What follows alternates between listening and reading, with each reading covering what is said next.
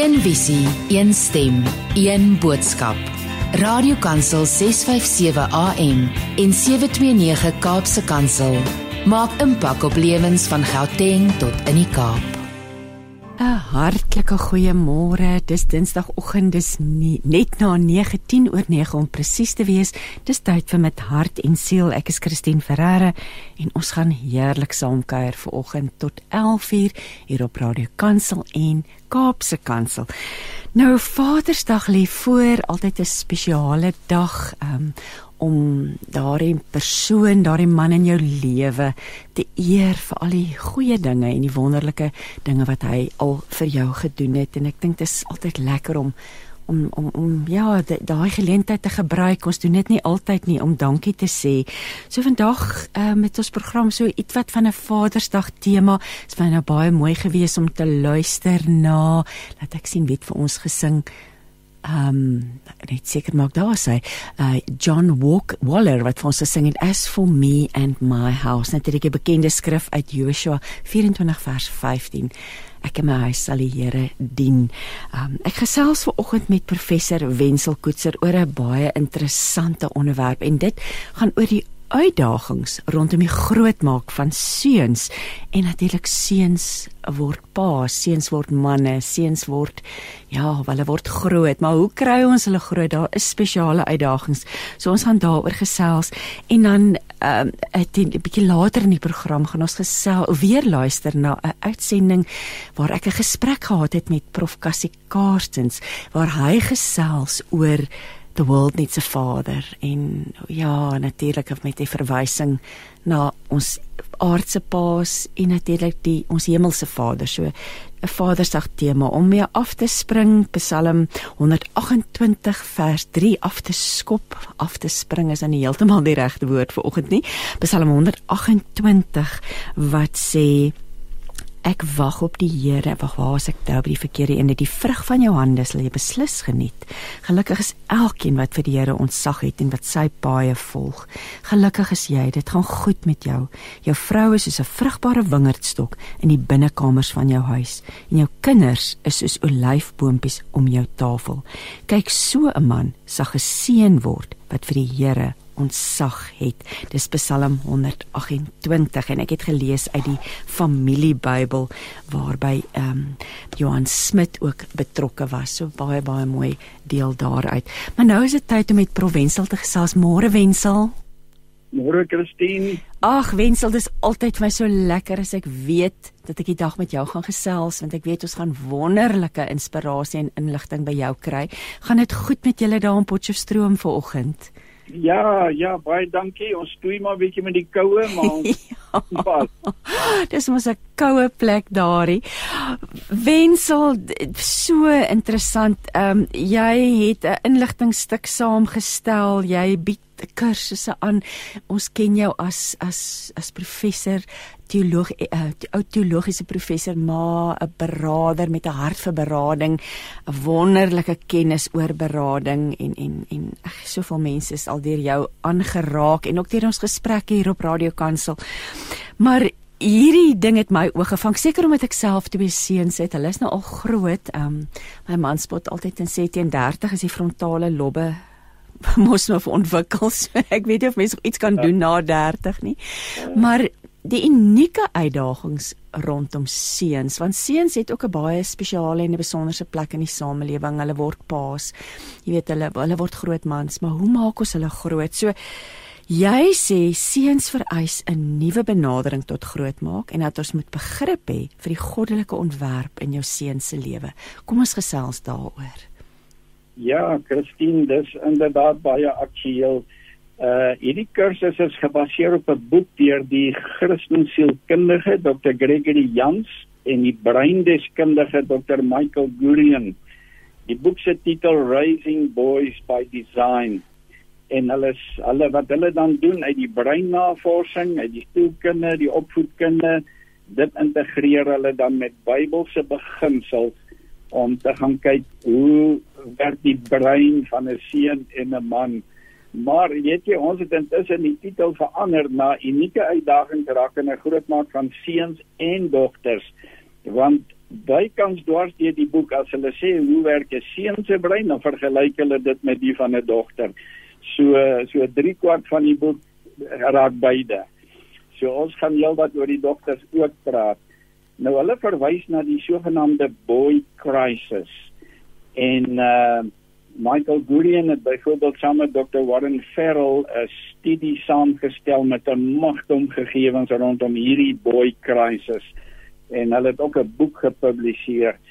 Wat hulle byvoorbeeld sê is as mens net gaan kyk na die massa skiet insidente in die FSA ja. wat so aan die orde is op 'n weeklikse basis. 98% van die wat betrokke was tot dusver by sulke insidente was seuns of mans sonder paas. En as mens dink net in Januarie, begin Januarie tot 16 Februarie van jaar was daar 73 sulke gevalle. 12 persone per dag gemiddeld wat sterf. Nou mans sonder paas en uh uh wat hulle verder sê as oorwegend mans of seuns Hulle toon ook selfdoodneigings. Hulle wil nie meer leef nie. Hulle is depressief en hulle gaan sonder paas deur die lewe. Dit sluit aan by wat jy nou nou gesê het jou gesprek met uh met Cassie Karsten. So belangrik die rol van die pa. Verder net nog so gedagte of twee Dr. Gregory Youngs, hy het 'n beradingskliniek en hy sê sy ervaring is daar's 'n oormatige prioriteit aan voorskrif medikasie met betrekking tot kinders. Hy praat van overprescribe. Hm. En dan verwys hy na middels soos Ritalin en ander uh, wat ook gebruik word vir aandagafleibaarheid. Maar hy hulle skryf in hulle eie klinieke dit ook voor, maar sy punt is net hy dink dit word te oormatig voorgeskryf. Want hy sê die sosiale sisteme vandag simply do not understand the way boys are designed. En hy sê sy ervaring is baie duisende seuns aan die worstel met wat is hulle lewensdoel? En hulle hulle kry nie antwoorde nie. Uiteindelik beland hulle in tronke raak betrokke by dwelm slegte gedrag angs depressie. En uh, baie van hulle sterkpunte waarmee God 'n seun geskaap het word nie altyd ge, uh, uh, genoeg erkenning aangegee nie eerder as verdag beskou. Hy noem byvoorbeeld hy sê dikwels word 'n seun se natuurlike energie beskou as ontwrigtend. Sy nuuskierige en ondersoekende aard baie maklik beskou as 'n gebrek vir respek vir autoriteit. Sy wetywerende gedrag uh teen en en en en ja, wetywerend van alteenoor leierskap word beskou as 'n gebrek aan respek vir gesag. Sy veerkragtigheid, resilience word beskou as 'n gebrek aan omgee en kan selfs getipeer word as hard en rof. Sy gedetermineerdheid, die vasbyt, tenacity word beskou as arrogansie en hy sê dit alles omdat die stelsel verstaan nie hoe God sy brein geskaap het nie. Nou in die in die aspekte wat ons verder oor gaan gesels, gaan ons meer uitbrei hierop. Sjoe wensel, maar dit is 'n dis 'n ernstige ding, want as 'n mens nie die wese van hierdie seun erken nie, kan jy groot foute maak, nê? Absoluut, absoluut. Ja. Nou nou as as ons nou net kyk die die huidige situasie uh ek dink die volgende punt as mens net na die statistieke gaan kyk wat hierdie ouens uitwys ek gaan so 'n paar noem.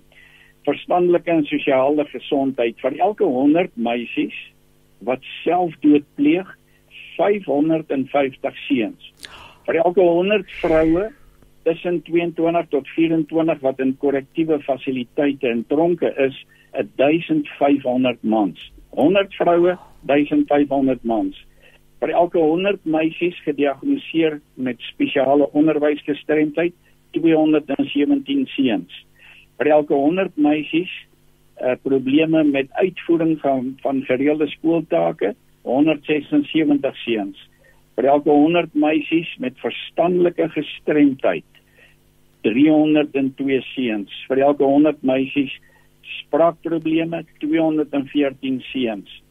Elke 100 meisies wat in kleuterskool wat dit jaar in kleuterskool moet herhaal, byna 200 seuns elke 100 meisies geskort uit elementêre en sekondêre skole 300 seuns 100 vroue wat 'n BA graad verwerk net 75 mans 100 vroue met 'n meestersgraad net 66 mans en 100 vroue uh met 'n doktorale graad 80 mans en hierdie hierdie twee navorsers hulle sê hierdie is maar net die punt van die ysberg. Sjoe, maar Wensel, wat sê dit vir ons en hoekom is dit so?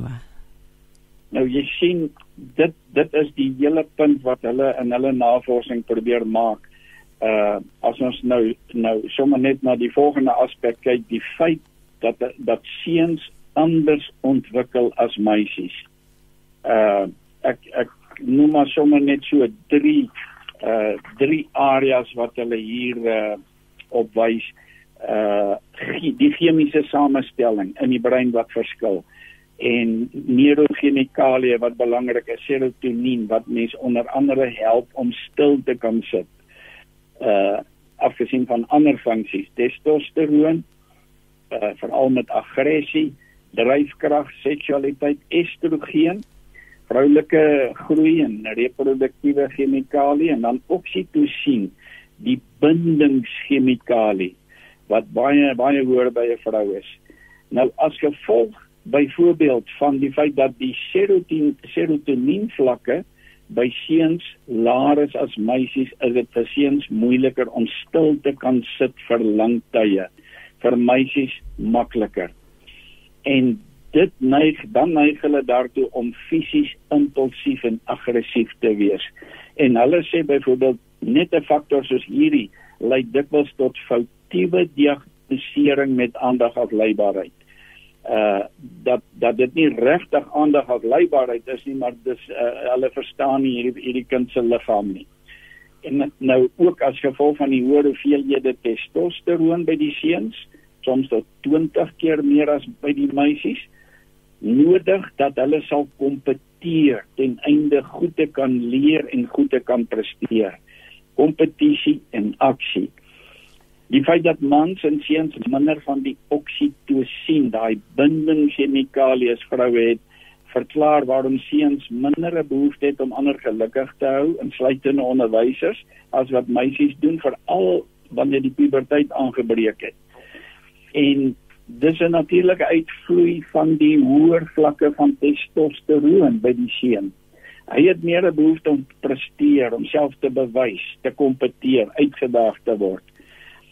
Nou as hierdie testosteroon vlakke styg, veral onder stres, dan reageer die seun en die man met die die tipiese vegvlug uh reaksie om die stres te probeer verminder.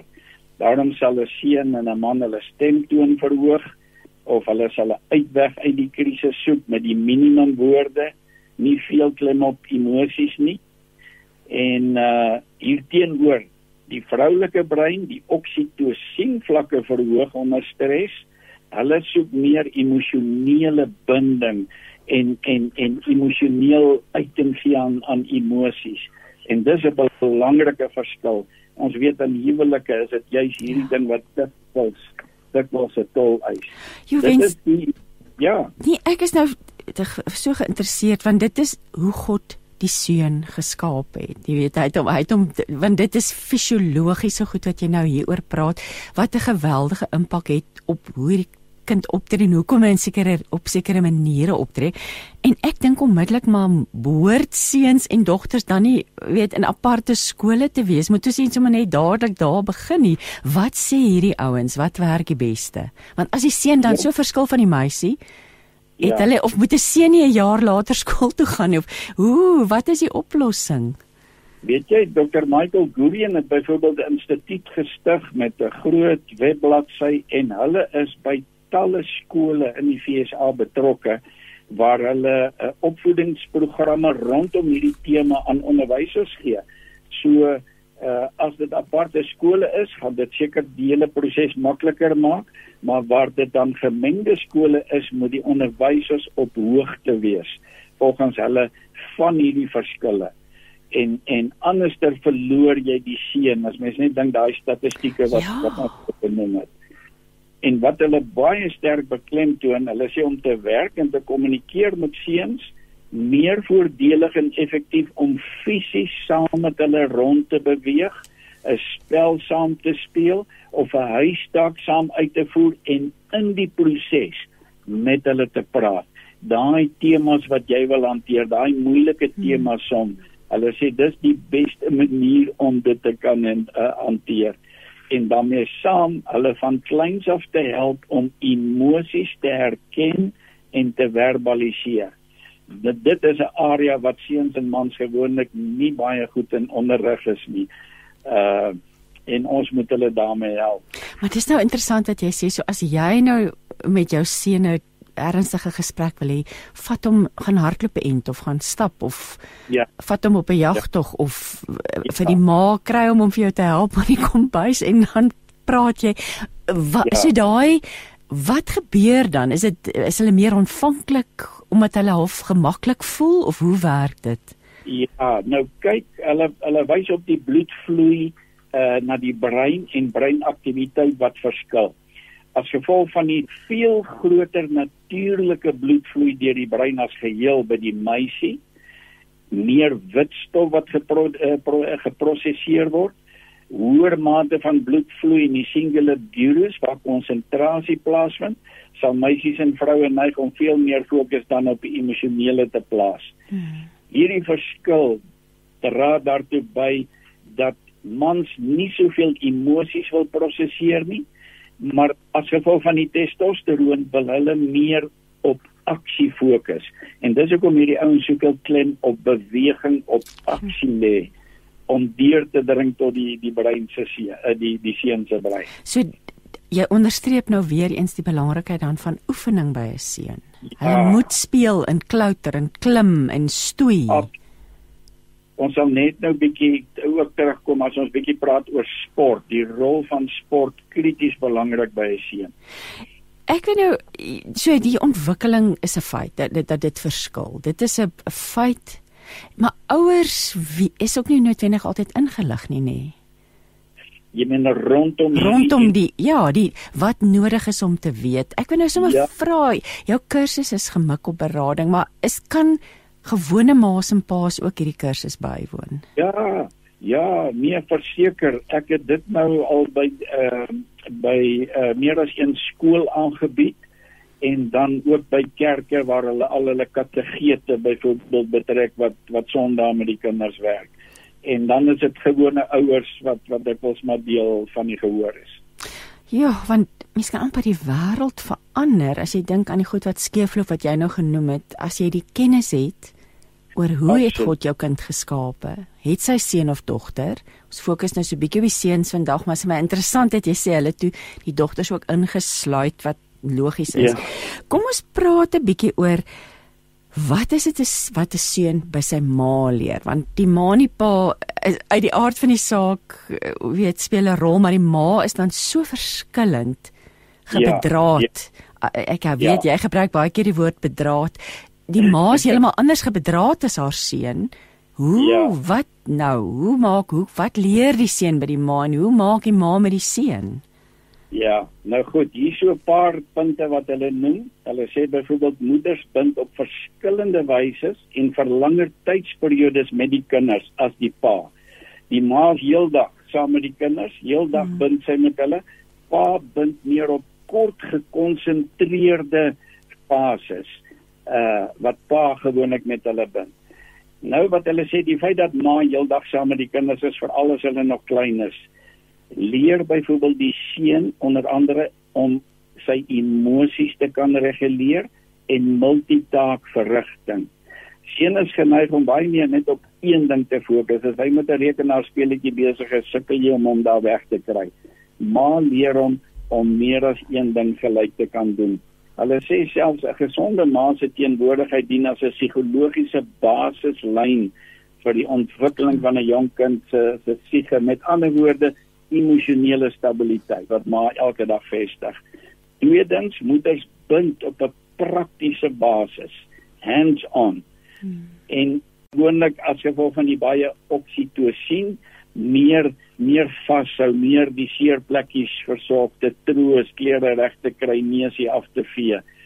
ook die feit dat ma die vrou baie meer senuweepunte in hulle vingers het as mans bevorder hierdie hierdie tipe binding en uh die navorsing het gewys wanneer hierdie faktor ontbreek kinders wat sonder 'n ma groot word of of of jy weet 'n ma wat nie persoonlik betrokke is nie hoër risiko vir bindingssteuring daai daai attachment disorder angssteuring leersteurings dat hulle sukkel met skoolwerk en depressie. Baie belangrike rol wat die ma vervul dan hierdie wat ons genoem het die multitaak verrigting sy leer die seun om teen 'n vinnige tempo van een taak na 'n volgende te kan oorskakel om waar die seun gewoonlik net op een ding fokus. Maar jy help ook kinders om uitdrukking te gee aan hulle emosies deur woorde. Baie belangrik. Van kleintyd af die seun te help veral wanneer die emosies hom oorweldig en hy dit moeilik vind om dit te verwoord, dat sy hom heeltyd gaan help om woorde te gee aan die emosie wat hy ervaar. So belangrik dan maas neig ook om metodes te onderrig vir die toepassing van direkte empatie. Uh wanneer daai kind seer gekry het, na meer te buig, haar stemtoon te verlaag. Uh om uh, as hy skaam is, sal sy haar mond uh, oor naby sy mond toe hou om te hoor wat hy sê. Uh alles daai leer empatie en as ons dink sosiale media en internet breek empatie af vandag. Uh maar ma leer dit vir die kinders. Hy neig ook om persoonlike onafhanklikheid prys te gee ten einde haar kinders se behoeftes te vervul. Sy na kinders is nie 'n aparte kompartemente nie. Sy pas haarself aan by hulle. Hulle leer in die proses hoe belangrik hulle vir haar en ook vir die wêreld is. Dan promoveer sy die karakter en die ontwikkeling veral deur middel van woorde.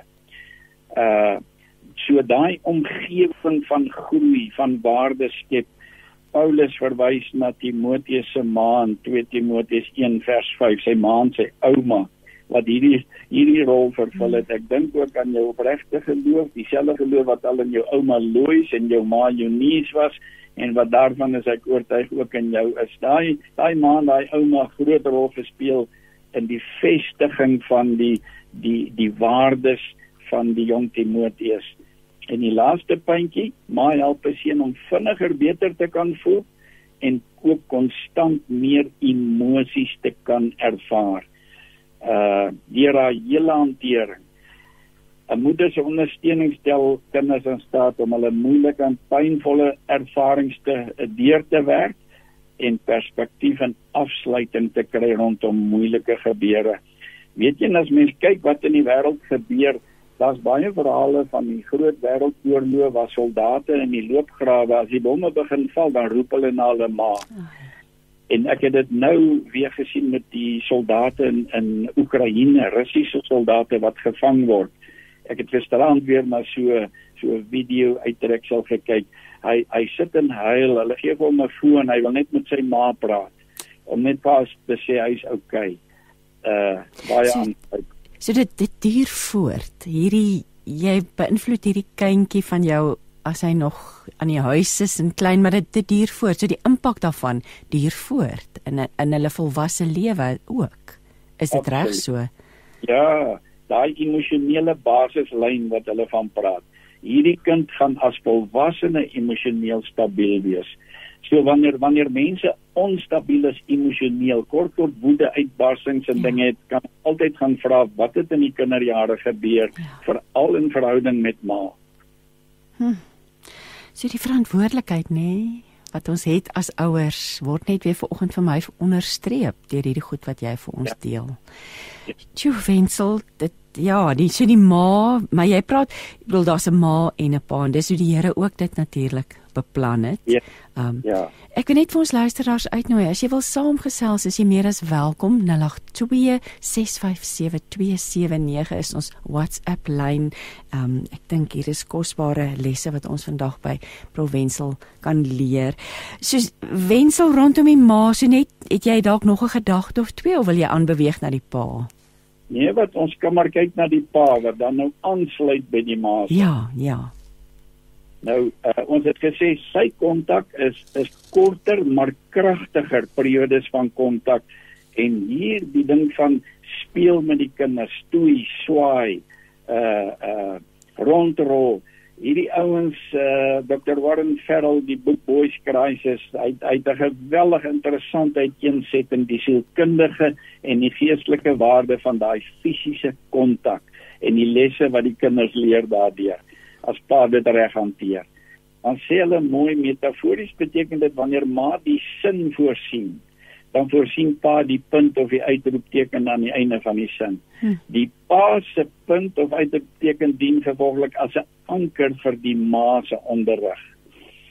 Dan pa en pa neig om kinders te onderrig raak in 'n orde en patroonmatige denke.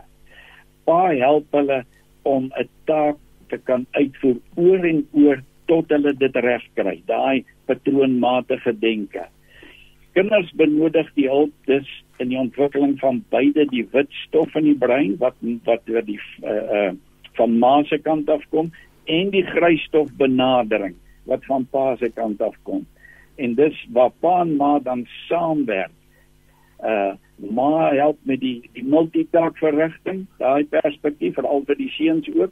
Pa help met die gefokusde denke. Daar waar jy 'n moeilike taak het, om hom deur te druk vas te byt oor en oor te doen tot by sukses. Nog 'n puntjie pas net om minder klem te plaas op emosies, meer te fokus op prestasie en aksie. Uh soms is dit nodig vir 'n kind. Uh en dan moet hy die vrees en die twyfel kan blokkeer. Hy sit dalk in die eksamen, hy kry sy vraestel en hy sien daar's 'n vraag wat hy nie wat hy nie geleer het nie. Nou die emosies kan hom dalk so totaal oorweldig dat hy nie verder kan skryf nie, maar as pa die basis gelê het, het hy hom geleer nou blok jy emosies, nou fokus jy. Nou hmm. fokus jy op die ander vrae wat jy kan doen en jy kom laastens terug na hierdie moeilike een. Daai daai aksie van pa help dan help dan hierdie kind. En uh, dit bevorder ook emosionele en sosiale intelligensie hierdie tipe van basis dan pas neig om die neem van risiko's en onafhanklikheid te promoveer, te, te aktiveer. En dis nou daai manlike hormoon testosteroon. Uh en met ander woorde die belangrike reël wat die kind dan leer, telkens weer te probeer ondanks mislukkings. En so dit wat sien 'n mens by jong mense hierdie ding ontbreek. Hy ontbreek, hulle kom uit 'n mm. stuk in 'n huis. Ja. En die geringste krisis wil hulle totaal dat handdoek ingooi. Paas help om sterkte in 'n kind in te bou deur te leer om te veg teen kwesbaarheid. Uh dit dis so belangrik. Positiewe vaderlike invloed maak kinders immuun teen byvoorbeeld negatiewe groepsdenke. Maar waar paas afwesig is, raak kinders maklik ingetrek in areas van bendes, geweld, dwelms, -hmm. seksuele uh promiskuïteit. Dan pas promoveer respek vir autoriteit. Waar pas afwesig is, is daar 'n disrespek vir autoriteit in die samelewing. Terwyl pa weer met sy teenwoordigheid veral die seun dan help om gemaklik te kan wees met autoriteit.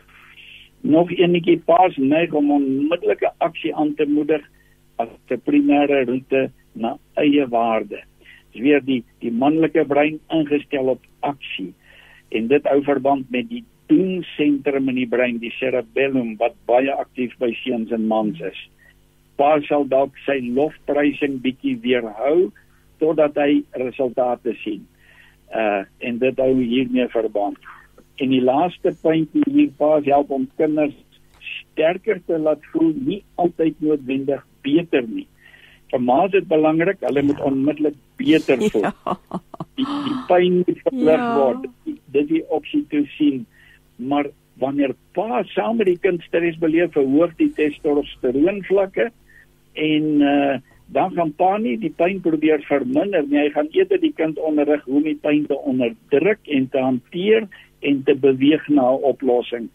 En dis nou ja. waar pa pa se benaderings aanvullend tot mekaar. Maar ek is seker ek het onmiddellik dit herken in myself en ek wil die kinders laat beter voel. Ja. Dit is ek glo ja. alle ma's kan getuig daarvan, maar hier leer jy nou vir ons die pa help hulle sterker. So jy het albei nodig. Annetjie het nou vir ons 'n boodskap gestuur. Ons gaan gou hieroor gesels en dan gaan ons musiek luister um, en dan praat ons weer verder. Annetjie sê wat se invloed het 'n pappa op sy enigste dogter en dan die mamma ook. So as daar nou net een dogter in die gesin is, geld dan natuurlik weer ander dinge, nê. Nee. Nou kyk, dwars deur ook ons gesprek vanoggend soos ons sê kort kort kort kort kom die brein van die dogter aan die orde. Ja. En en daar is dit klomp dinge wat wat ons vir daai dogter kan gee en doen. Uh 'n hele lys wat ons hier kan uithaal uh uit wat ons nog gaan sê en wat ons reeds gesê het. Ek, ons gaan luister na musiek. Hier's iemand wat vra, gaan dit op 'n potgooi wees? Ja, beslis gaan hierdie op 'n potgooi wees op Radio Kansel se webwerf. Iemand sê dit klink na 'n goeie program. Waaroor praat julle? Bietjie later ingesluit, ingeskakel, uh, later ingeskakel die persoon ons gesels oor die groot maak die uitdaag die unieke uitdagings rakende die groot maak van veral seuns maar die dogters dink ek gaan hier bietjie inglip in ons gesprek so bly ingeskakel. Ons luister na musiek uh, Jesus culture sing I belong to you en net na die musiek gesels ek en Provensal verder. Kom raak aktief geloofsaktief met 657 Radio Kansel en 729 Kaapse Kansel Jy luister na met hart en siel. Ek is Christine Ferreira en ek is in gesprek met professor Wenzel Koetser en ons praat oor die unieke uitdagings rakende die groot maak van seuns en ons kry heerlike reaksie hier op ons WhatsApp lyn. Mense stel baie belang in hierdie onderwerp Wenzel. Um, ek dink ons voel partykeer ons is nie Bes, ons is nie heeltemal reg voorberei om ons kinders groot te maak nie, nê jy hierdie hierdie studie stuk en hierdie kursus gaan dan 'n bietjie verder. Ons het nou gepraat oor die rol van die ma en die pa in die grootmaak van die seun. Jy sê of hulle sê hier in deel 2 van hierdie uh hierdie hierdie uh, leesstuk ontwerp jou seun se reis onderweg na maar ware man wees. Hoe doen 'n mens dit? Nou goed, uh, Christine, weet jy, soos ek gesê het, so baie van hierdie goed hierdie hierdie gedagtes kan ons net so op uh, dogters toepas en die punte wat onder andere nou hier ter sprake kom weer eens. Ons kan sê ook ons dogter se reis na ware vrou wees. Wat hulle gedoen het, hulle neem die akroniem HERO. Hulle sê hulle wil hulle wil die seun 'n geestelike hero maak met Jesus Christus as die volmaakte hero. As ons dit nou so kan stel, hy is die volmaakte model en dan gebruik hulle elkeen elke letter H E R O en en en pas dit toe die H vir a sense of honor om eer in jou seun of jou dogter se lewe in te bou. En uh hulle kan dit aanleer 'n eerbare lewensbenadering deur dop te hou die keuses wat hulle ouers maak. Hulle hulle hulle kan opmerk dat pa kan besluit hy's vrygewig of hy's gulsig. Hy's empaties, hy toon empatie of hy's gevoelloos, hy's hard. Hy's eerlik of hy's bedrieglik. En hulle sien dis hierdie dinge raak, die nugtere keuses om uiteindelik self met integriteit die lewe in te gaan. En nou weet ons weer waar dit 'n stuk in 'n huis is, bly hierdie dinge dikwels in die in die in die slag. Verder belangrik ons kan hierdie dinge vir ons kinders leer en modelleer veral as hulle nog jonk is. Uh iemand het dit so gestel uh uh uh video wat ons gebruik in sommige van ons kursusse West Stafford. Hy sê as daai kind nog jonk is, is hy so klei in jou hand. En heel dikwels is dit 1 minuut, 5 minute se interaksie wat 'n groot verskil kan maak. Hy sê maar as hierdie kind seer gekry het en hy beweeg in sy puberteit in, het jy 'n jackhammer nodig. Daar daar dat 'n kontrak breek om deur te dring tot die en dis dis so waar. Dit ja. is 11 11 18 illustreer treffend hierdie hierdie belangrike lewensbeginsels van op 'n daaglikse basis moment vir moment as hy sê hierdie woorde van die Here met julle lewe vul, julle moet dit as herinneringstekens vasbind aan julle hande dit as merke op julle voorkoppe hê. Leer dit vir julle kinders deur met hulle daar te praat as jy in die huis is, as jy op pad is, mm. as jy gaan slaap, as jy opstaan. Ja, belangrike riglyn. Dan die dit was die H, sense of honor, die E van hero, a sense of enterprise om 'n sin vir uitdagings by jou seun en jou dogter te vestig. En dit hou, hou dit hou verband met motivering om uitdagings te kan aanpak, kreatiewe projekte te kan aanpak.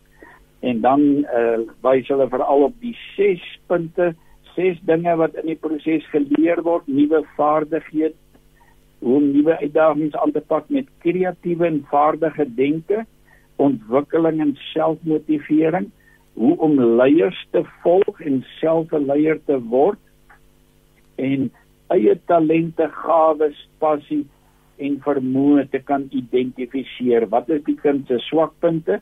Wat is sy of haar sterkpunte? En dan die laaste eenetjie, wat is hulle identiteit in Christus? Uh Jo, wensel dit as jy nou hierdie goeters noem, dit voel vir my 'n ouer moet jy kan nie hierdie goed weet as jy nie nou betrokke is by jou kind nie, nê.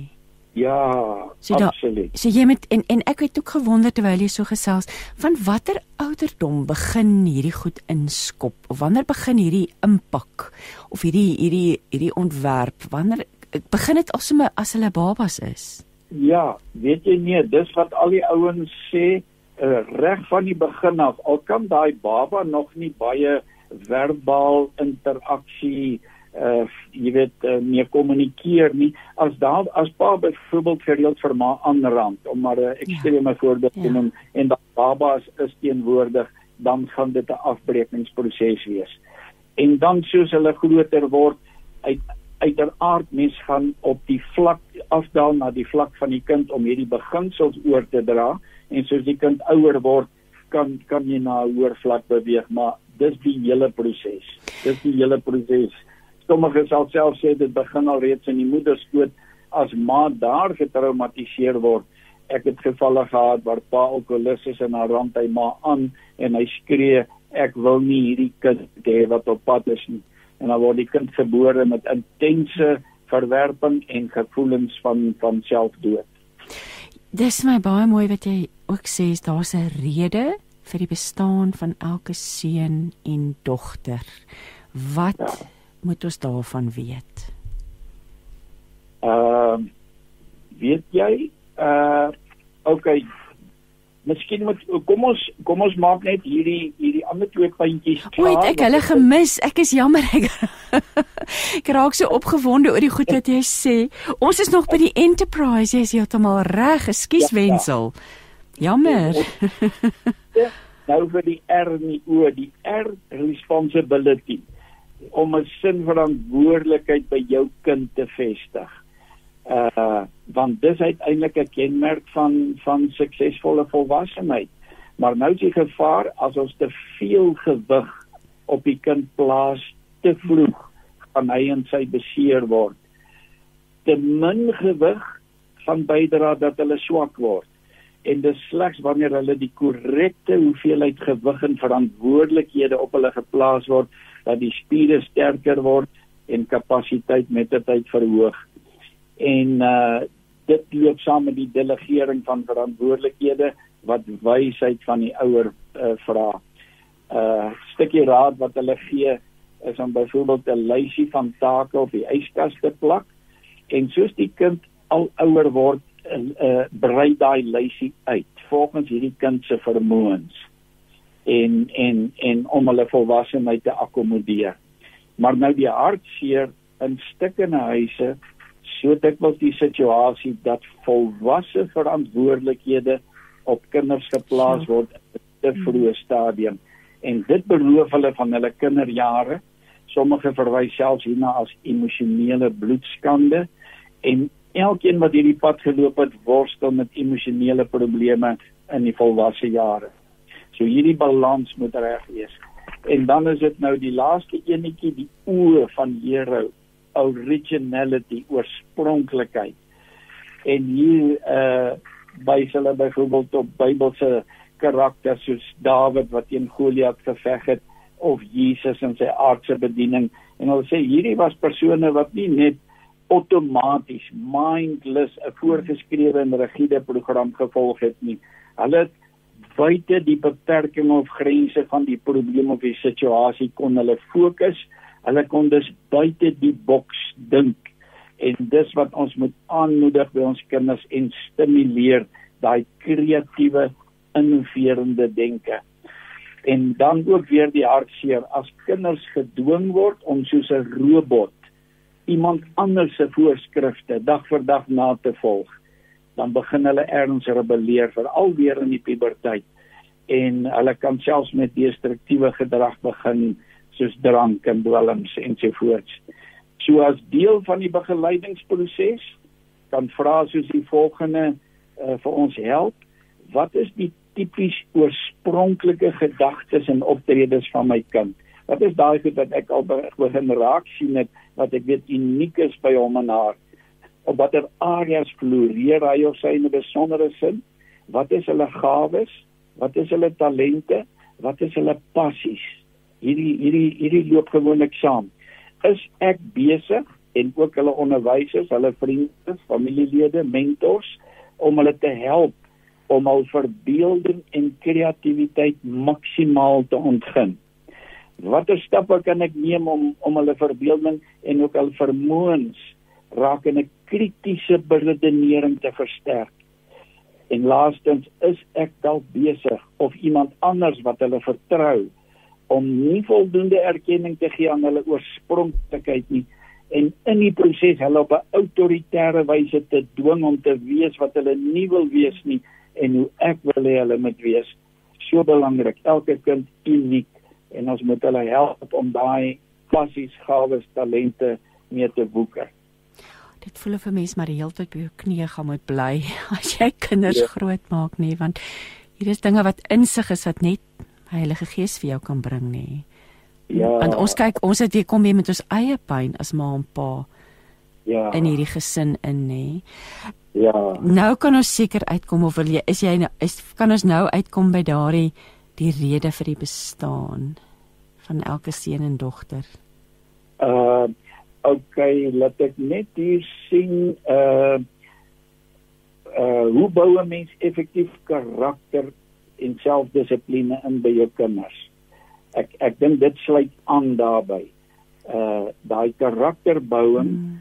en en en dit gaan hierdie kind help om om om te besef wat is sy doel en waarheen is hy op pad hier hier het ek net twee puntjies uitgehaal. Die ouens het so baie stof in hulle boek. Uh wat hulle byvoorbeeld wys wanneer jou kind oornag begin leuns vertel. Dan meen dit daar erns erns het daar 'n probleem gekom. En en hierdie kind kan nie daai lewensdoel uitleef nie. Nou het hy op 'n sy spoorband. En en ons weet ag uit uit berading as as 'n kind leuns vertel, is daar 'n probleem byvoorbeeld jou seun sou substansie kan gebruik soos dwelms, alkohol ensovoorts wat die ontwikkeling van die brein nadelig kan beïnvloed. Of of die dogter.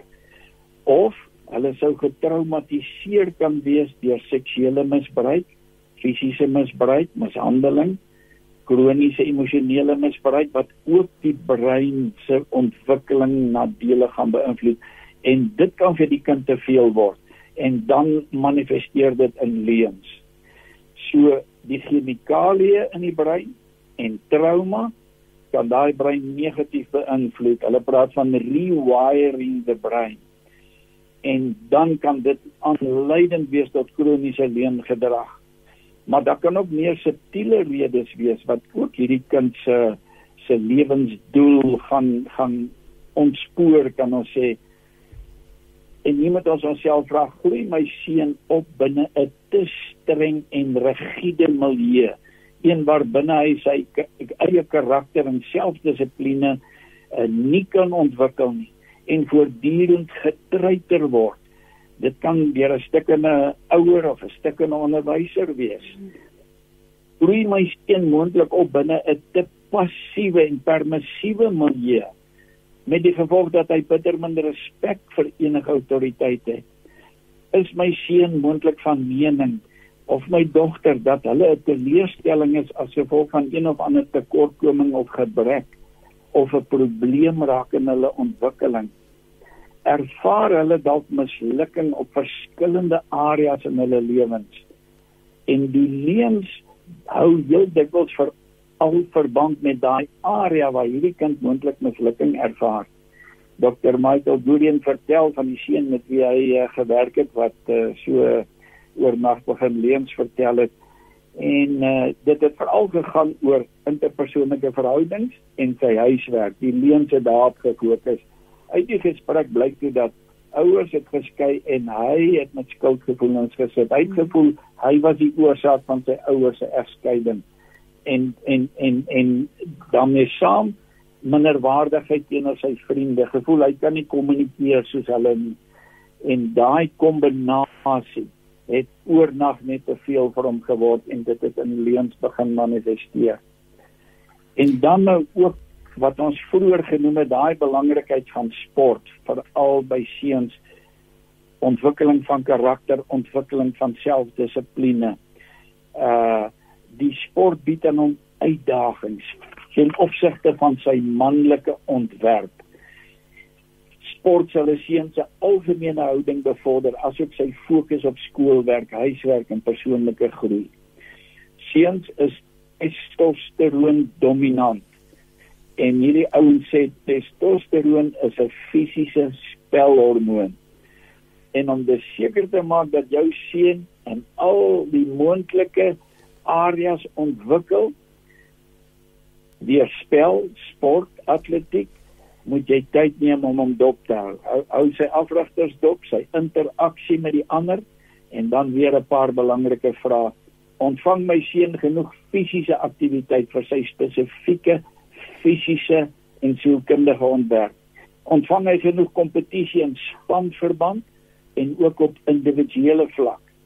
Ontvang hy dalk te veel span en individuele kompetisie met betrekking tot sy unieke ontwerp?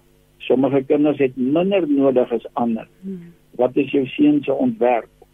Wat is die kwaliteit van mentorskap en coaching, lewensafrigting wat jou seun ontvang deur middel van die spel, uh die atletiek, die sport en die hulle sê die beste afrigters en uh supervisors en volwasse leiers integreer ontwikkeling raak in 'n karakter en selfdissipline saam met die reëls van die spel en die en die wetywering. Met ander woorde, alles gaan nie net byvoorbeeld oorwen nie. En as ons verloor, wat is die lesse wat ons daaruit kan leer? En dan is ek en ander gereeld besig om aan my seun lesse aangaande karakter en dissipline oor te dra deur middel van 'n rough and tumble play. Dis nou weer daai stoei van pa met die seuns. Ontvang my seun genoeg speeltyd. En en ek net daar sê hulle hulle verwys byvoorbeeld op die feit dat hier in daai proses as pa dit reg hanteer dan leer die seun daar's grense ook aan die fisiese krag van jou liggaam. Daar's grense en jy kan anders seer maak as jy daai grense oorskry. En en en alles gaan weer eens nie net om wen nie. Heel wat reëls wat daar geleer kan word. Dan ontvang my kind genoeg speeltyd sonder reëls en toesighouding. Indirekte playtime 'n seun se brein moet kan leer en ontwikkel op sy eie sowel as tesame met georganiseerde groepe. En die laaste enetjie leer my seun nederigheid deur spel, sport en atletiek aktiwiteite en die die afrigter speel weer 'n belangrike rol daar. Wensel ek kan nie help om te dink aan die elektroniese speletjies wat die kinders en veral die seuns hulle self so mee besig hou deesdae. Dit dit wel ja, doen dit selfs tot jong volwassenes en ek ek ek wat hoe wat hoe skep 'n mens balans? Hoe keer jy? Want of kan jy keer as 'n ouer dat jou kind verslaaf raak aan hierdie speletjies en dat dit weer hulle dit weer dat hierdie speletjies hulle daarvan weerhou om buite toe te gaan en sport te gaan doen. Wat is jou opinie rondom ja. dit? Ja. Weet jy, ek het 'n uh, aparte kursus net daaroor ook weer gebaseer onder andere op 'n boek van Dr. Gregory Jans plus 'n paar ander en ons noem dit die die impak, die digitale impak op ons kinders en jong mense. So belangrik. maar hierdie hierdie ouens in hierdie boek wat ons oor gesels mm. noem 'n paar belangrike punte wat ek so vinnig vinnig net wil noem. Hulle wys eens eerstens op ontstellende statistieke. Jong mense tussen 8 en 18 spandeer gemiddeld 11 ure per dag in blootstelling aan media, 4,5 ure TV, 2,5 ure musiek, 1,5 uur rekenaars, meer as 'n uur aan videospeletjies en minder as 'n uur aan gedrukte media en films. Hmm. Oor die algemeen sê hulle die reël is 1 uur voor 'n skerm, 1 uur buitekant. Hmm. Toe ons kinders was, het ons boom geklim en baie meer fiets gery ja. en en buite ons besig gehou. Daai ding het nou verander. Hulle sit te veel ure voor skerms met 'n reeks van gevolge obesiteit en en liggaamlike probleme en wat en wat. Verder ongeveer 6 uit 10 van hierdie kinders, 'n paar duisend met wie hulle onderhoude gehad het, het aangedui dat daar geen reëls is in hulle huis rondom die aantal ure wat hulle mag spandeer op rekenaars of die speel van speletjies nie. Dis ontstellend.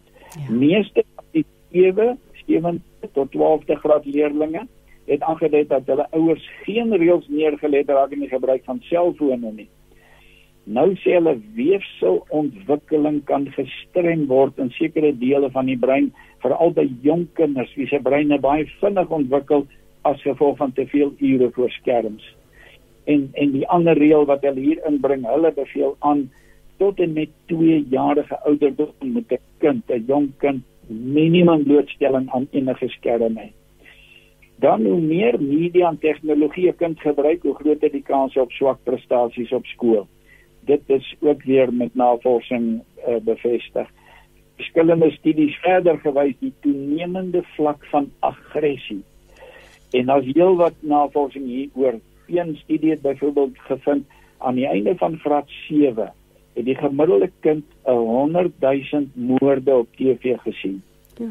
100 000 moorde, maar ek sal wil byvoeg ek glo dis daai huise wat ons net gesê het 6 uit 10 wat sê in hulle huise is daar geen reëls nie. As daar hmm. reëls is in jou huis wat jou kind betref, wat die programme betref, geweld en al daai goed, gaan hy nie 100 000 moorde sien nie. So ouers het hier 'n geweldige belangrike uh taak dan gee hulle so so vyf reëls uh, rondom gebruik van tegnologie. Eerstens, ek sal tegnologie as 'n gas hanteer in my huis en nie as iemand wat ons huis besit nie. So belangrik. Hmm. Ons kinders moet dit leer. Nou hulle gee heel wat praktiese riglyne. Paulus in 1 Korintiërs 6:12 Alles is my geoorloof, ja, maar nie alles is heilsaam nie. Alles is my geoorloof, sê hulle, ja maar ek gaan my nie deur enige iets laat verslaaf nie. En die kwessie van internet verslawing het 'n realiteit geword. In verskillende lande het hulle nou al klinieke net daarvoor om kinders te help om van hierdie verslawing los te kom. Dr. Gregory Jans vertel in hulle kliniek, hulle die ervaring waar hulle so 'n kind opneem uiteraard dan word alle uh uh digitale instrumente word word uh, hy word nie toegelaat daarmee en hy's daar daar vir 2 of 3 maande en dan begin hy met onttrekking simptome presies asof hy van 'n dwelm met loskom en die hele proses presies dieselfde om hulle van 'n van 'n verslawende substans los te kry. Is nou Wens jy ja. is nou iemand wat vra en ek hou daarvan om dit te beantwoord want mense weet nooit hoe lyk die persoon se program nie. Hulle vra ek hoor prof, prof praat van 'n boek. Wat is die boek se naam en waar koop ek dit? Nou nou okay, ek het nou nou verwys na die uh digitale impak op ons kinders en jong mense. Ja. Dis 'n boek wat ek self uh, gepubliseer het. Hulle kan dit van my af bestel. Ons ons kan maar aan die einde net die kontakgegewens weer gee en dan hierdie ene unieke uitdagings grootmaak seuns en dogters. Hy's hy's ook beskikbaar in 'n bundelformaat. Kom ons gee maar die webwerf nou. Ek dink dit dit mense kan op bestel nou, van die webwerf, nê? Nee. Ons sal hom weer herhaal later, maar daar kan hierdie persoon nie later luister nie. Die beste is dat hulle vir my 'n WhatsApp stuur. 083 66 0049. Daar sê. So as uh, dit dit werk die beste. Hulle iemand doen my webwerf nou oor so as 'n bietjie de mekaar. Okay. So as ehm um, dis iemand van ek ja was nie 'n naam by nie maar dit is aan die antwoord so stuur gerus aan Provensele WhatsApp 083 6600409 as jy dan die digitale impak op kinders en jong mense wil bestel of unieke uitdagings in die grootmaak van seuns. Wensel, ons gaan luister na 'n stukkie musiek en dan gaan ons verder gesels oor die beskerming en die ondersteuning van 'n seun en ek vermoed dit gaan ook 'n dogter insluit se emosionele lewe. Maar kom ons luister na musiek. Ons luister na Etienne Boucher wat vir ons sing It's All About You. Ons is hier vir 24 uur met die boodskap van die ware lewe op 657 Radio Kansel en 729 Kaapse Kansel. Jy luister dan met hart en siel. Ek is Christine Ferreira en ek is in gesprek met professor Wenzel Koetser. Ons gesels oor die effektiewe grootmaak of die uitdaging daarvan om seuns groot te maak um, en dogters, kom ons voeg maar dogters in hakkies by. Wenzel, ons het nou gekom by die punt waar ons gaan gesels oor die beskerming en die ondersteuning van jou seun se emosionele lewe. Want soos jy nou al vir ons heel in die begin van die program verduidelik het hulle emosionele lyk baie anders as dogters se Ja en hier gaan dit veral oor 'n paar maniere om veral seuns te help om die emosies te prosesseer. Want soos ons gesê het van kleintyd af heel dikwels grootgemaak met die idee dat emosies is 'n teken van swakheid ja, ja. en dis net sissies en dit blokkeer dit blokkeer hierdie ding. En as hulle dan volwasse is in huwelik teenoor sy vrou teenoor sy dogters dan is dit 'n groot krisis. Die eerste benadering hulle praat van 'n aksie vrystelling metode ons het gesê by seuns en mans hulle laat hulle gevoelens vry deur kort uitbarstings van energie. En daarom kan dit soms vir 'n seun help. As hy nou ontsteld is dat hy maar toegelaat word as hy uit die vertrek wil storm solank hy net nie verbaal disrespek teenoor jou as ouer betoon nie dan laat jy hom toe laat hy maar 'n ingang draf laat hy laat hy 'n bal gaan skop tot hy emosioneel gekalmeer het. En sê maar na so 'n halfuur probeer jy hom weer betrek om dan met hom rustig deur te praat dit wat gebeur het En wanneer jy dan begin praat oor emosies, moedig hom aan om in die vertrek rond te stap, rond te vroetel, met sy voet op die grond te tik of sy hand op die tafel, weg te kyk, diep asem te haal. Daar is niks verkeerd met hom nie, dis tipies die manlike brein. Die tweede uh, riglyn onderdrukking en 'n vertraagde reaksie metode. Nou aan die een kant om emosies te onderdruk, weet ons is vir niemand op die langtermyn goed nie. Uh maar andersins is dit so dat die onderdrukking en vertraging van impulsiewe reaksies uh 'n tydelike oplossing kan bied vir 'n krisissituasie. Met ander woorde, hierdie seun het geleer hy moenie nou uiting gee aan daai emosies nie aan die woede nie. Dit moet nou onderdruk word anders gaan dit dinge net verder uh, kompliseer en as hy dit kan regkry kan dit selfs dui op uh, sterk emosionele intelligensie en karakter. Maar ons weet erns moet dit hanteer word. Die derde een waar hulle die vervanging objektifisering metode uh, noem dit dit gaan daarop dat jy soms 'n voorwerp kan gebruik. Uh sê maar die die klein boet is nou baie hartseer ouer ou boet is by die universiteit en hy verlang baie na sy boetie en pa sien hy begin nou depressief en en en hartseer raak. En dan sien pa die kips wat hy gewoonlik gedra het as hy en sy boetie cricket gespeel het, die kips is sommer daar een kant gegooi en pa hmm. sal die kips optel en dan vir hom begin met hom begin praat oor boetie wat nie hier is nie en soms kan dit help dat dit die emosies laat uitkom en al kom die emosies nie uit nie dan sou hy nogtans heelwat van hierdie emosies in sy binneste kon begin verwerk. En hiermee saam ook verhale. Dit kan ook geleenthede bied ter vervanging van moeilike emosies. Uh voel hy dalk gemanipuleer of oorweldig deur broers of susters dan kan ons saam met hom die verhaal van Josef in die Bybel lees wat iets daarvan beleef het. As hy bekommerd oor hoe om 'n komende uitdaging die hoof te bied, dan kan ons die verhaal van Dawid en Goliat lees En daar's nou heelwat ander voorbeelde ook. Dan die vierde benadering, die fisiese uitdrukking metode, physical expression method, waar hy dalk met sy vuis op die tafelblad slaan of sy vuis in sy handpalm slaan om uitdrukking te gee aan stres en miskien woede en uh emosies wat hy nie in woorde kan kan op daai oomblik uh, uitdruk nie. En uh sodra die adrenalien dan afgeplat het, as hy so 'n bietjie sulke fisiese aktiwiteite uitgevoer het, rastadig raak dit makliker om kognitief te kan begin werk aan die gevoelens. En hier is dit nou weer dinge soos draf, sporte beoefen, oefen in 'n gimnasium, gate in 'n koerant te slaan, 'n kussing te slaan, 'n slaan sak, 'n slaan sak te slaan, kan alles hier help. Nommer 5, die gaan in die grot in metode. Oh, oh, oh.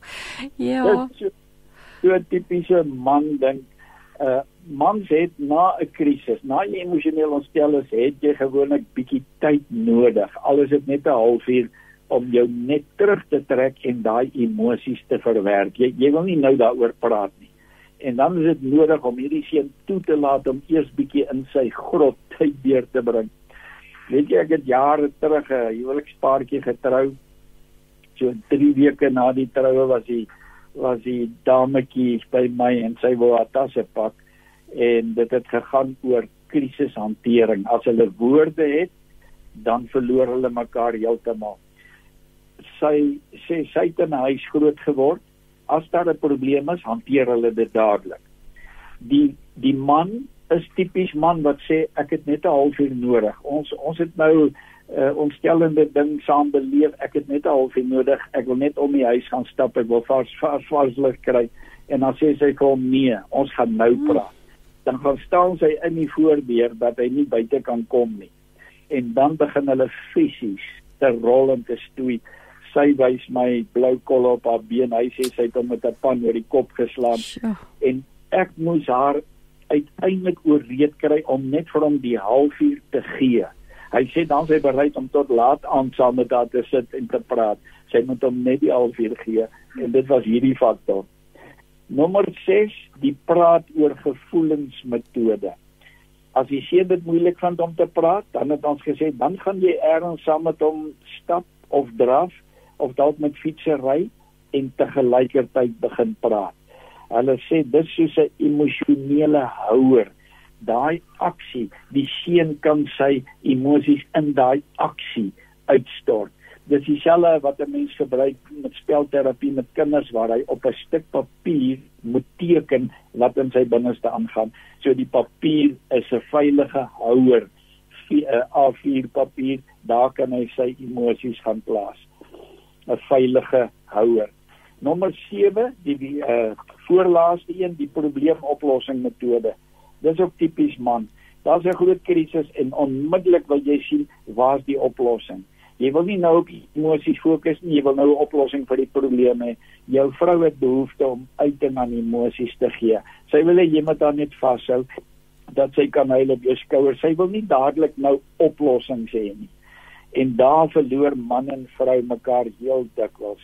En nou is die raad as jy merk dat jou seun geneig is om tydens krisisse slegs in die modus van probleemoplossing in te beweeg, dan moet hy gehelp word om sommige van hierdie ander benaderings wat ons nou genoem het ook aan te leer en en uiteraard die emosionele om emosies te verwoord en en en en op daai manier uiting te gee. En dan die laaste eenetjie die huilmetode. Seuns moet die vryheid gegee word om ook te kan huil. En ons is groot gemaak met die met die boodskap dit is 'n teken van swakheid hier kan ons Jesus as voorbeeld ge gebruik. 'n heel 'n hele paar keer wat ons lees dat hy het gehuil wanneer hy emosioneel ontsteld was en en uh ons moet hulle leer hulle moenie trane vermy en dit sien as 'n teken van swakheid nie. Daar is egter tye wat hulle dit moet onderdruk as dit kan lei tot uh, gespottery deur ander dan dit nie veilig nie en dan moet ons hulle help tot hulle by die huis 'n veilige ruimte het en dan uiting te gee daaraan en nie te voel dit is 'n teken van swakheid nie. En hier kan pa baie help om om om om hierdie leen uit te kanselleer. Wensel, dis nou eksamentyd en ek dink daar sit baie ouers hand in die hare. Hoe help jy jou seun om so goed as moontlik op skool te presteer? Want hulle hulle is ook, hulle is anders bedraad soos jy gesê het, hulle is anders gemaak. Maar hoe hanteer jy hulle skoolloopbaan? Nou goed, hier ook so 'n klompie praktiese riglyne. Eerstens, wees aktief, positief en ondersteunend.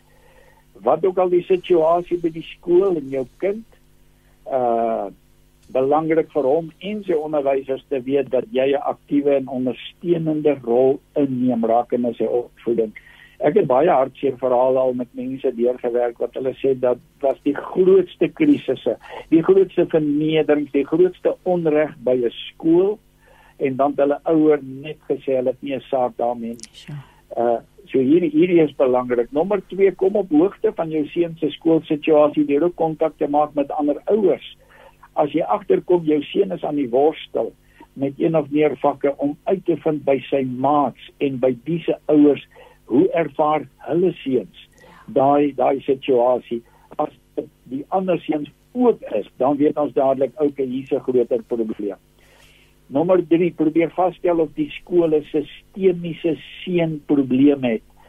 En hierdie ouens uh, gebruik die syfer van as daar 'n klas as jou kind in 'n klas van ongeveer 25 is jou seun en daar's 5 ander seuns wat ook aan die stoei is met dieselfde probleme dan is hulle van mening dan is daar 'n probleem by die bestuur, miskien by die klasonderwyser rakende die tipiese leerstyl waarin seuns behoefte dat hulle nie sy sy brein verstaan nie.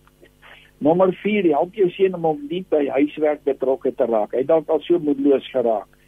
Sê re-engaging en uh byvoorbeeld die volgende stappe leer hom hoe om 'n huiswerkbeplanner te ontwikkel uh saam met hom te kyk uh hoe hy sy sy uh vakke en sy verpligtinge kan indeel, leer hom om sy tyd te bestuur. Nou al hierdie goed geld natuurlik vir dogters ook. Tyd te bestuur, manage their time. Dring aan op 'n vasgestelde daaglikse skedule rakende die doen van huiswerk. Tree op as 'n mentor, supervisor wat sy huiswerk betref sonder om dit vir hom te doen Dit sal impliseer om saam met hom seker te maak alle opdragte is uitgevoer en by hom te sit, by haar te sit, raad te gee soos wat hulle met die moeiliker dele sou kon stoei. Maak seker dat die selfoon en sosiale media platforms afgeskakel is. Ja. Hulle met huiswerk besig is en weerhou voorregte en gebruik dit as 'n hefboom ten einde die voltooiing van huiswerk te motiveer as dit nou blyk dat mens nou bietjie meer ferm moet wees. Hier kan ek net noem in ons handleiding oor die digitale impak het ons 'n bylaag met 'n kontrak. 'n Kontrak tussen ouer en kind rondom die hantering van sosiale media baie sinvol en beide onderteken uiteindelik die kontrak. Daar word ook bepaal wat is die strafmaatreëls as die reëls oortree word en die bevinding is waar kinders betrek word daarin is hulle self strenger op hulle self as wat die ouers sou gewees het. Dan nommer 5, doen voorspraak vir jou seun of jou dogter by die skool. Uh belangrik onderwysers moet kennis neem van die resultate van die navorsing rakende hierdie verskil tussen seuns en dogters rondom die leerproses. Nommer 6, neem 'n holistiese benadering tot gedragsprobleme. Byvoorbeeld jy sal moontlik 'n spesialis moet vind wat opgelei toegerus is rakende manlike ontwikkeling om evaluering toetsing te doen as as daar 'n groot probleem is. Aan die ander kant, as jou kind dalk uitreageer in en in 'n geveg met die stelsel is, sou hy op hierdie manier dalk 'n noodkreet kan gee dat die stelsel verstaan hom nie of die die onderwysers verstaan hom nie en en weet nie wat om met hom te doen nie. En daarom sê hulle holisties. Daar daar kan 'n faktor wees soos 'n pa wat moontlik nie betrokke is in sy lewe nie en hy sou intense behoefte hieraan kon hê. In die literatuur verwys hulle soms na pa honger en pa nood. Ja. En hy sou ook depressief kon wees uit besorgdheid oor sy ma wat dalk deur 'n stormagtige fase in haar lewe gaan met trauma en verliese. Dit alles kan bydra dat hy nie presteer nie. En dan die laaste puntjie, wees jou seun se onderwyser tuis. Moedig hom aan om rond te beweeg weer terwyl hy besig is met uh, werkopdragte, fisiese aksie, gooi 'n bal vir hom, laat hom teruggooi terwyl jy saam brainstorming doen oor 'n werkopdrag, bietjie besin uh, oplossing soek. Stuur hom vir 'n rukkie in die natuur in voordat hy met skoolwerk begin. Hulle skryf heelwat oor die impak van die natuur. Of reël vir hom 'n 'n tutor, 'n 'n begeleier indien nodig of laastens as daar 'n leergestremdheid is, professionele aandag nodig. En uh as jy dink 'n tuiskoling is nodig, dalk vir 'n sekere tyd, dit dalk oorweeg as jy self die tyd het daarvoor en as dit blyk dat dit die enigste oplossing sou wees. Wensel, ek daar's nog twee dele oor van hierdie van hierdie handleiding wat ek graag by wil uitkom. Ons kan dalk kortliks net gesels oor die die ritueel onderweg, die rituele gesonde rituele onderweg na manwees en dan gaan ons afsluit met hoe lyk die geloofsreis en 'n nuwe visie van Christelike manwees. Dis net so belangrik. So, miskien iets korts oor die hierdie rituele, the rites of passage to man, into manhood, waarna jy verwys. Weet jy wat die ouens daar gedoen het? Uh ons weet uit die Joodse kultuur die die uh uh hulle praat van 'n bar mitzwa vir hierdie jong mense. Dis 'n inleidingsritueel waar hierdie kinders nou duidelik die boodskap kry jy beweeg nou in 'n volgende fase die meer volwasse fase. En hulle maak geweldig baie daarvan. En binne 'n Joodse gesin is dit 'n belangrike mylpaal vir die vir die jong mense. Nou sê hulle binne die Christelike kultuur ontbreek dit in 'n groot mate hulle sê wel uh, wat meisies betref die fisiese, die biologiese oorgang wat plaasvind wanneer die jong meisie begin menstrueer. En dit gee aan haar die boodskap jy begin nou die wêreld van die die volwasse vrou meer inbeweeg. Maar by die seuns is daar is daar nie so 'n konkrete ding wat wat daai wat daai grens aandui nie. En toe het hulle uh Michael Gurion en nog iemand anders het toe 'n program ontwikkel vir 'n Christelike uh, ritueel uh, vir al met die seuns en hulle paas. Dit ek dink dit strek oor 9 maande met so elke 6 weke 'n byeenkoms pa en seun en ander manlike mentors ook met baie spesifieke opdragte. Pa moet byvoorbeeld 'n uh, dagboek hou die hele 9 maande van die hele proses volgens riglyne. Die seuns het take wat hulle moet deurwerk onder andere die deurlees van die Markus Evangelie met riglyne daar rondom. Dan moet hulle hier na die einde se kant toe 'n projek saamstel, praat van 'n Jesus projek. En en heel aan die einde uh by die afsluiting waar die families, die gesinne by is word hierdie projek dan voorgedra. Elke pa moet dan ook aan sy seun 'n 'n simboliese voorwerp gee. Ek uh, het die Jans het byvoorbeeld aan sy seun 'n swaard gegee met 'n versie uit Filippense. Sê ek reg onthou in Christus is hy meer as oorwinnaar mm. uh op daarop uitgegrafieer en dan gee pa daai dagboek ook aan die seun. Dit dis nou sommer so baie in kort. En hoe dat maas byvoorbeeld getuig het dit het gevoel asof hierdie seun op daai stadium veg teen haar want hy identifiseer meer met pa en hierdie ritueel het haar en haar seun weer baie naby aan mekaar gebring. Uiteraard ook riglyne vir die seuns hoe om hoe om teenoor ma en teenoor vroue op te tree. Baie baie aangrypend en met wonderlike getuienisse van die ouens wat dit saam met hulle seuns deurgegaan het.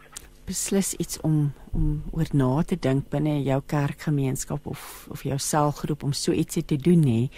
Wat se wat ja. dit klink het 'n wonderlike betekenis het in 'n kind in 'n seun se lewe.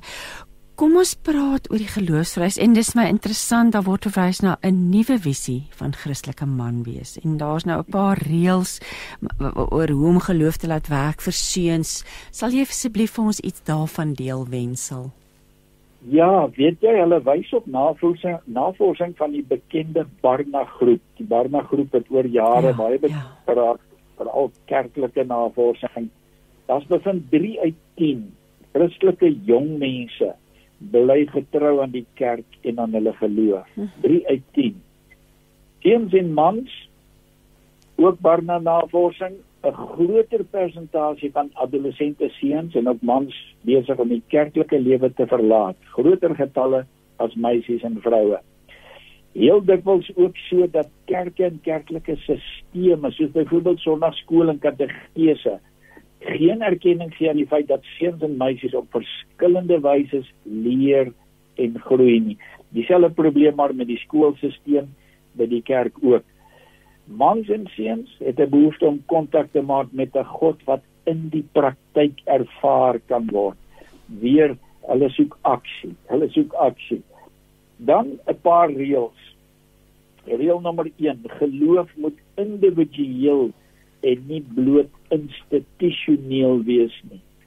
Met ander woorde, daar's nie net 'n klomp moets en monies en reëls en regulasies wat net so vir elkeen ding na geld maar dit gaan meer oor 'n persoonlike verhouding met Jesus Christus. Elke dag saam met hom te stap, met hom te praat, van hom te leer. En en en nou sê hulle ook ons kinders veral tydens adolessensie kan skei heiligheid 'n kilometer ver identifiseer ja. en hulle wil niks daarmee te doen hê nie. So hier moet dit iets wees wat prakties kan uitwerk. Uh nommer 2 geloof moet plooibaar wees, fleksibel. Aan die een kant sê ons uh ons ons wil nie Christendom hê waar almal soos deur 'n borsmeele geforseer word en daar's net een formule op almal van toepassing nie. Uh maar ongelukkig is dit dikwels wat gebeur en dan raak so 'n jong mens uh, gefrustreerd as daai individualiteit in die slag bly. Nommer 3 geloof moet interaktief wees. Hier sê hulle hulle stel voor eh teens en meisies moet baie meer uitgenooi word byvoorbeeld na kerklike vergaderings om hulle idees te deel, te leer, uit te dra, te sien en verstaan hoe dat geloof geïntegreer word in besluitneming en waarom sekere besluite geneem word. Nommer 4 geloof moet relevant wees. Die Barna navorsing sê weer jong volwassenes verstaan nie hoe hulle geloof gestalte kan verkry binne die werklike wêreld van loopbane en verhoudings die elke dag se lewe nie. En hier 'n paar belangrike vrae: Hoe reflekteer ek my geloof en my vertroue in God op 'n daaglikse basis? Wat sien my kind as hy na my kyk? Hoe dikwels bid ek? Hoe dikwels bid ek vir my kinders, saam met my kinders? Is die Bybel 'n boek wat net Sondag van die rak afgehaal word of is dit elke dag 'n aktiewe en 'n lewende bron in ons huis? Quoteer ek relevante skrifgedeeltes en skriftuurlike beginsels wanneer ek en my kind deur 'n moeilike situasie gaan en en dit prakties toe te pas en kan my kinders sien hoe dit geloof waardevol is met betrekking tot die werklike lewensverhale van my gesin of of word dit net gereserveer tot Sondag en Sondagskoolverhale van ouds? Dan geloof moet plek in ruim vir vra. Jy kan nie na 'n dieper vlak beweeg in jou geloof indien jy nooit 'n vraag vra of mag vra nie. En die ideaal is dus dat seuns en dogters toegelaat en aangemoedig sal word om vrae te vra ook rondom die geloof. En en ons het 'n dogter wat deur 'n Engelse hoërskool is uh staan met 7 graad 9 het sy by die huis gekom en vir my gesê pa hoekom sê ons dat die Christelike godsdiens is die enigste ware godsdiens hulle het 'n debat in die klas en daar's moslems en verskillende ander groepe wat opstaan en sê ons God is die ware God. En ek en sy moes daai ding deurwerk hmm. op graad 9 vlak So en nou sê ons toksiese godsdiens laat nie toe dat vrae gevra word nie. Daar's net standaard formules en jy moet net swyg. Ons ons mag nie dat ons kinders daar beland nie. Nommer 7 geloof moet plek hê vir twyfel. Ons behandel dikwels die persoon wat die moed het om te erken dat daar twyfel is as 'n geestelike mislukking. En dan weer eens in toksiese kerke weet hierdie ouens hulle mag nooit sê dat hulle twyfel. My kind het verdrink in die swembad en nou sit ek met vrae, maar ek mag dit nie uitspreek nie. Uh dan mag dan met plek wees vir twyfel, maar dan moet ons saam met hulle sit. Ons moet gaan kyk wat was die pyn? Hoekom het hulle begin twyfel? Deur dit werk, deur die trauma werk en hulle help om aan die kant uit te kom. Geloof moet aktief wees. Jakobus sê uh die geloof gaan gepaard met aksie en dade. Dis weer daai tipiese seun en manlike uh, brein. Geloof moet iets kos. Ons kinders is soveel ure op die internet waar jy net 'n knoppie kan druk en jy het onmiddellike antwoord. Jy het onmiddellike reaksie en hulle moet leer in die werklike lewe werk dit nie so nie. Ook wat ons geloofslewe betref, dis 'n proses en dis harde werk en en dis 'n pad saam met die Here. Dis nie net knoppies druk en dadelik antwoorde nie. Nommer 11 geloof dwing tot verhoudings. Hierdie verhouding met Jesus Christus, met God die Vader, met die Heilige Gees, persoonlike verhouding, nie net 'n lys van moets en moenies nie. So dit in kort wat hierdie geloofsreis betref en uh ek ek dink as ons hierdie hierdie uh, basis vir ons kinders kan gee, dan rus ons hulle regtig toe vir die toekoms en vir trauma en vir krisisse. Ja, Wensel, wonderlike inligting wat jy vandag met ons gedeel het, 'n kosbare inligting en ek wil net weer herhaal, ehm um, dat as jy hierdie handleidings of skryfstukke van Provensel in die hande wil kry, kan jy 'n WhatsApp stuur na 083 06004009. Wensel, is daar binnekort 'n kursus wat aangebied word rondom hoe om jou seun of hierdie uitdagings te oorkom? Hierdie kursus word hy binnekort aangebied. Man, weet jy, ek het so 3 weke terug het ek hom aangebied by ouens wat my genooi het en uh ek het nie nou 'n uh, onmiddellike datum wat kom nie, maar soos wat daar uitnodigings kom 'n gemeente of 'n skool, dan dan bied ek dit maar weer aan. Soos en ek wonderlik om te hoor, Provensel is beskikbaar as jy hom wil uitnooi om hierdie kursus by jou kerk of by jou skool aan te bied. Wensel so ter afsluiting, dit sal vir ons absolute voorreg wees as jy dalk gebed vir ons seuns en ons kinders sal doen vir oggend. Um, Daar's soveel seer um hulle dit dit, dit ons hoor uit alle oorde dat jong mense maar swaar kry op die oomblik uh, maar die uitval van die pandemie en om weer aan te pas by hierdie nuwe manier van leef terug by die skool. So as jy vir ons kan afsluit met 'n gebed, sal dit regtig vir ons kosbaar wees. 'n Groot voorreg. Ek lees net hierdie uh, Psalm 144 vers 12 sodat ons seuns soos plante mag wees wat opgekweek is in hulle jeug ons dogters soos hoekpilare wat uitgebuitel is na die boustyl van 'n paleis. Pragtig. Ja. Jesus Christus, ons dankie vir hierdie oggend. Ons dankie vir die gesprek. Ons dankie vir elkeen wat ingeskakel het. Ons dankie vir die wete dat U is op pad met elkeen van ons.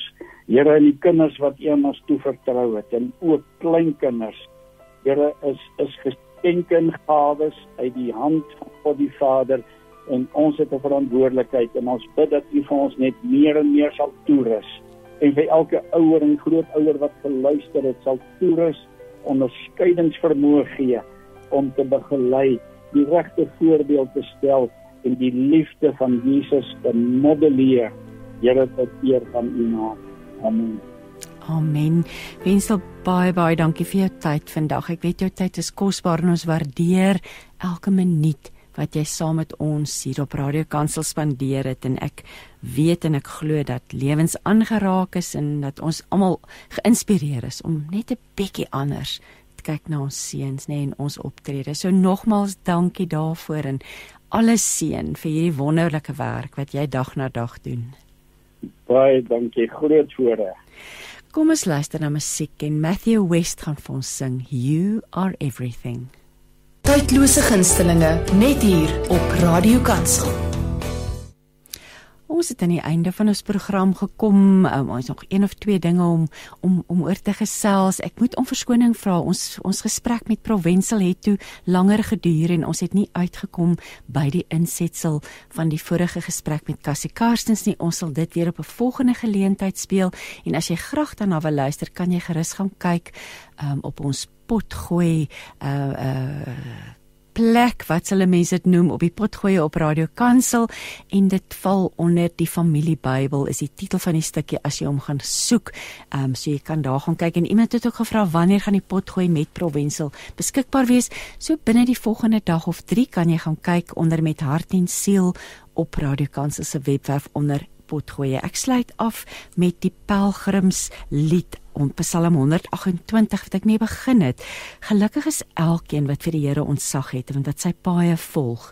Die vrug van jou hande sal jy beslis geniet. Gelukkig is jy. Dit gaan goed met jou. Jou vrou is soos 'n vrugbare wingerdstok in die binnekamers van jou huis. Jou kinders is soos olyfboompies om jou tafel.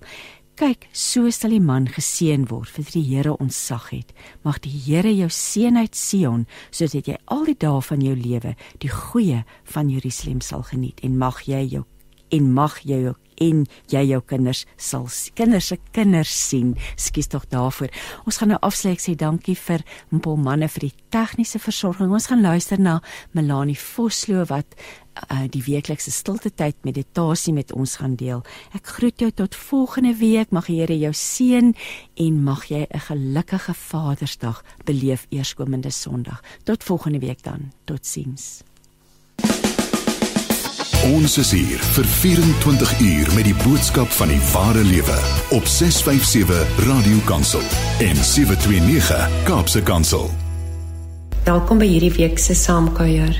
En dankie dat jy weer tyd gemaak het om sommer net te hoor wat God vandag op jou hart wil hê. Wat hy vir jou wil sê. Ek hoop dat jy iewers weer 'n stil tyd sal kry waar jy eenkant kan gaan sit en kan fokus op die Here wat by jou is, in jou is en deur jou leef. Hoekom bid jy?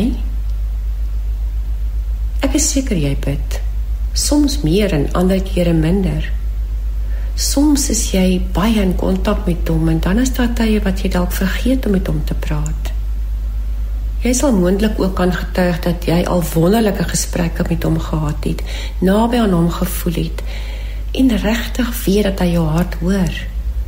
Maar dit sal ook baie natuurlik en menslik wees as jy met eerlikheid kan sê dat jy nie altyd met God kontak kan maak nie dat hy soms ver voel en met tye wonder jy self of hy regtig jou woorde hoor of gebede verskil maak.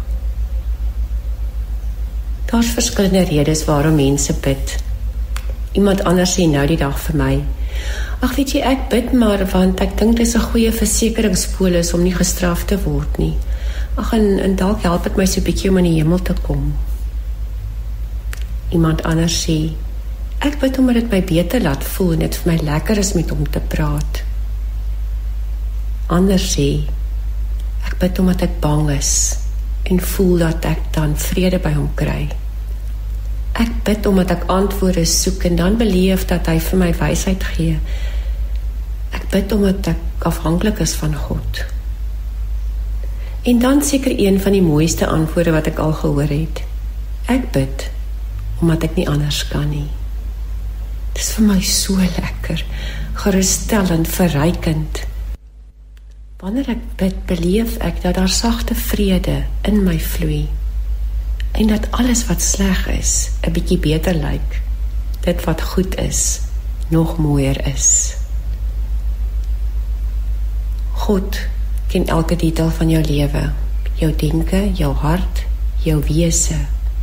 Die mens wie jy is, ken hy so goed. Maar dit mag jy ook laat vra, as God dan alles weet, waarom sal ek bid? As God dan nie altyd my gebede op my manier beantwoord nie, hoekom sal ek bly vra?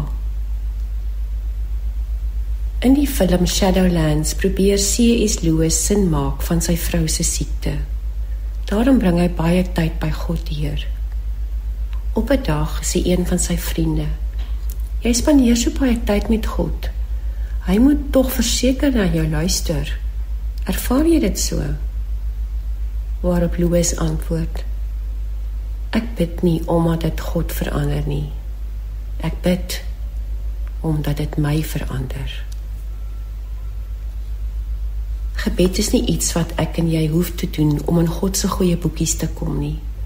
Veel eerder is dit 'n uitnodiging aan hom sodat hy die storie van jou lewe kan skryf. Dis 'n geskenk wat elke dag aan jou gegee word en wat jy kan kies om te aanvaar of nie te aanvaar nie.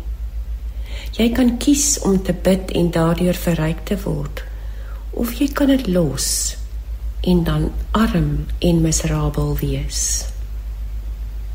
Vandag moedig ek jou aan om gedurig God se geskenk van gebed te gebruik. Ja, soos in Joël 2 vers 12. Draai om na die Here jou God, want hy is genadig en barmhartig, geduldig en oorvloedig in troue liefde. Kom ons bid saam. Here, U ken my. U sien my net soos wat ek is waar ek is. U weet presies wat ek dink, doen en sal wees. En ek hoef allermins met u te praat om u te beïndruk. Maar Here, ek wil met u praat. Ek wil bid. Ek wil in u teenwoordigheid wees. Ek wil my hart voor u lê. U stem hoor. U vrede voel. Here, Ek wil bid omdat ek nie anders kan nie. Amen.